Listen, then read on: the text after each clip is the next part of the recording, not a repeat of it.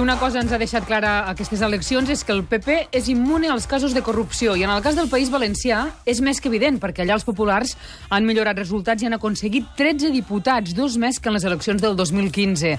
Aquí a Catalunya, el cas de Fernández Díaz ho havia de fer trontolla tot i el PP, en canvi, aconsegueix un diputat més. Entrevistada al matí de Catalunya Ràdio, Alicia Sánchez Camacho ha dit que no és cert que la corrupció no els hagi passat factura. Però és veritat que nosaltres hem tingut un, una, una corrupció que ens ha fet molt mal, que ha fet mm. descentralitzar els nostres votants i que ens ha fet perdre també molts diputats ja a les eleccions del 20 de desembre. El Partit Popular tenia 183 diputats a tot Espanya. 186, ens quedar sí, sí. a 123 sí. i crec que, d'alguna manera, els votants ens han ja paralitzat, saben que hem pres mesures. Crec que la, la corrupció ja ens havia passat factura i ara el que vol la gent és que, de veritat, ens posem a seguir treballant Jorge Malem és catedràtic de Filosofia del Dret de la Universitat Pompeu Fabra. Una de les seves línies d'investigació és la corrupció, i a ell el vull saludar a aquesta hora. Jorge, bona tarda, com estàs? Buenas tardes. El PP ha crescut a València, epicentre dels casos de corrupció del PP, a Valdemoro, al, a Madrid, que és l'epicentre de la trama púnica, el Partit Popular guanya, aconsegueix més vots que en les eleccions del 2015. A Granada, el Partit Popular puja 5.000 vots, malgrat que acaben de detenir l'alcalde de Granada del Partit Popular, detingut el mes d'abril, i del regidor d'Urbanisme, també per un cas de corrupció. Jorge, això quina explicació té?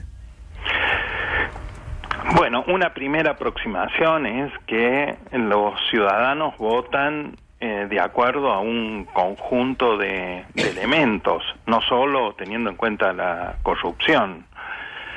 Eh, la corrupción es solo una de las razones por las cuales pueden dirigir sus votos. Eh, ¿Cómo explicamos lo que ha pasado?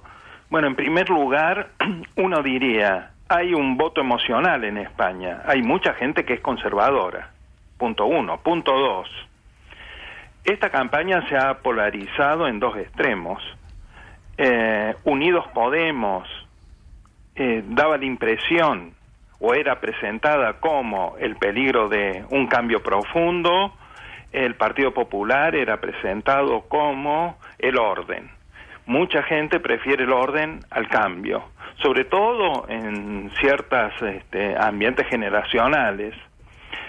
Ah, tercero, eh, el Partido Popular ha hecho una campaña plana, pero inteligente. Ni el PSOE, ni Ciudadanos, ni Podemos han hecho una buena campaña.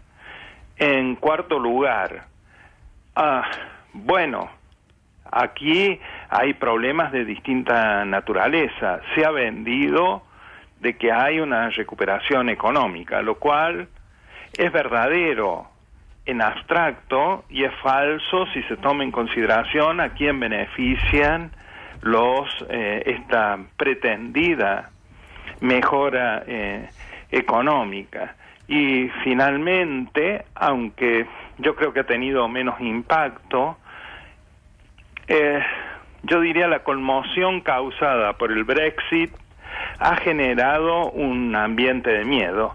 En este contexto el precio que hay que pagar por la corrupción es realmente poco. Cuando yo creo que, perdón, no, no, diga, diga. yo creo que eh, la corrupción se cobró su precio en diciembre. Hoy ese precio està pràcticament o fue amortitzado, no? Clar.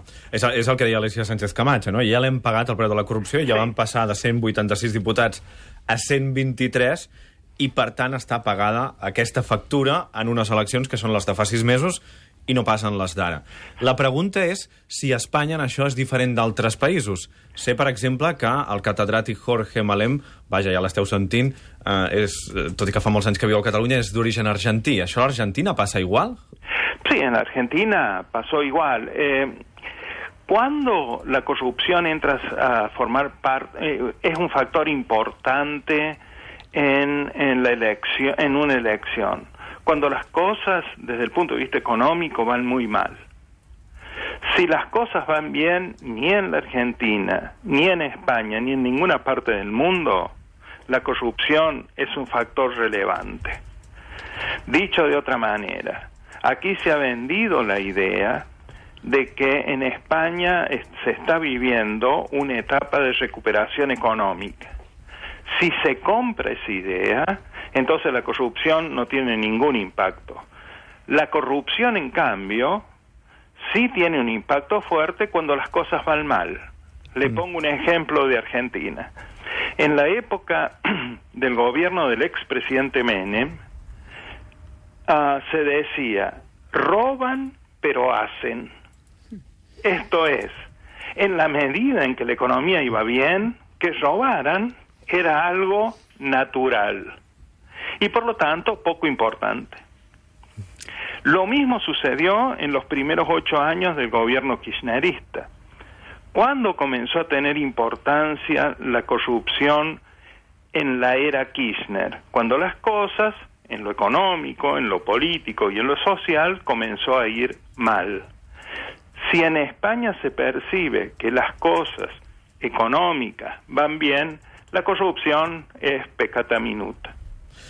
Eh, definitiu. Vull dir, em sembla que el resum és impecable. Eh, és allò que deia Bill Clinton, no? És l'economia estúpid. Eh, Sí, sí. És exactament això, és l'economia que està al centre del debat. Si l'economia va una mica millor, hi ha la percepció que està millorant, eh, la corrupció, que pot ser un element, passa a un segon lloc. I això és el que ens ha explicat el catedràtic Jorge Malem.